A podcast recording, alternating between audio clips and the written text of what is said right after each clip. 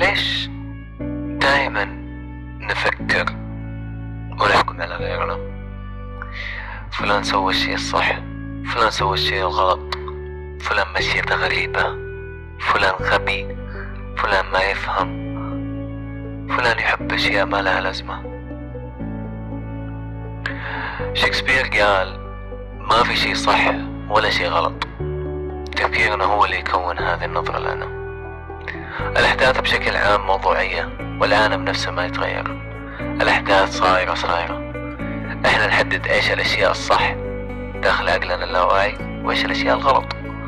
بناء على التربية اللي تربيناها وبناء على الأشياء اللي عاشرناها. بناء على الأحداث اللي عشناها وحنا صغار لين كبرنا. إحنا دائما نحدد إيش الأشياء اللي تألمنا وإيش الأشياء اللي تفرحنا.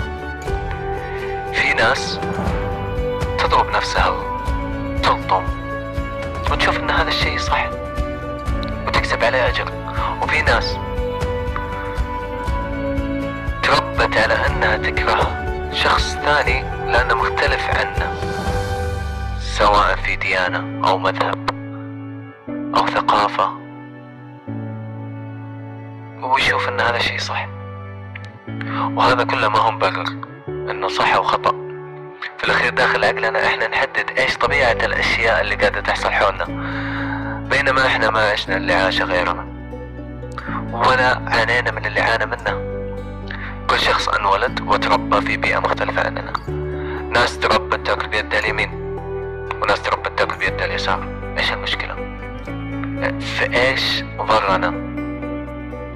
الشخص المختلف عننا قوانين وأحكام فرضناها على نفسنا عشان نحدد صفات معينة. وكل شخص من بيئة معينة يحسب هو الصح وهو العظيم بين الآخرين. طيب خلنا ناخذ دقيقة نفكر في شيء. الشخص اللي قاعد يسوي الشيء اللي إحنا ما عجبنا هل هو أذانا أو أضر فينا؟ أخي ليش نحكم ونتكلم عنه من نظرتنا الضيقة لمتى وحنا نحارب الاختلاف والناس اللي تفكر بطريقة ثانية؟ ونحاول نبني شخصياتهم وصورهم بالشكل اللي يعجبنا. لمتى وإحنا نحكم ونقذف ونتنمر على كل اللي يختلف عننا؟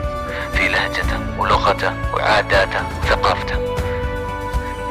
بينما الاختلاف هو أساس العلم هو أساس الابتكار والازدهار. الاختلاف اللي أثار فينا غريزة العلم والاستطلاع والمعرفة. إيش طعم الكون؟ هو بنفس النكهة والملمس والرائحة. إيش طعم الكون؟ هو على نمط واحد وشكل واحد.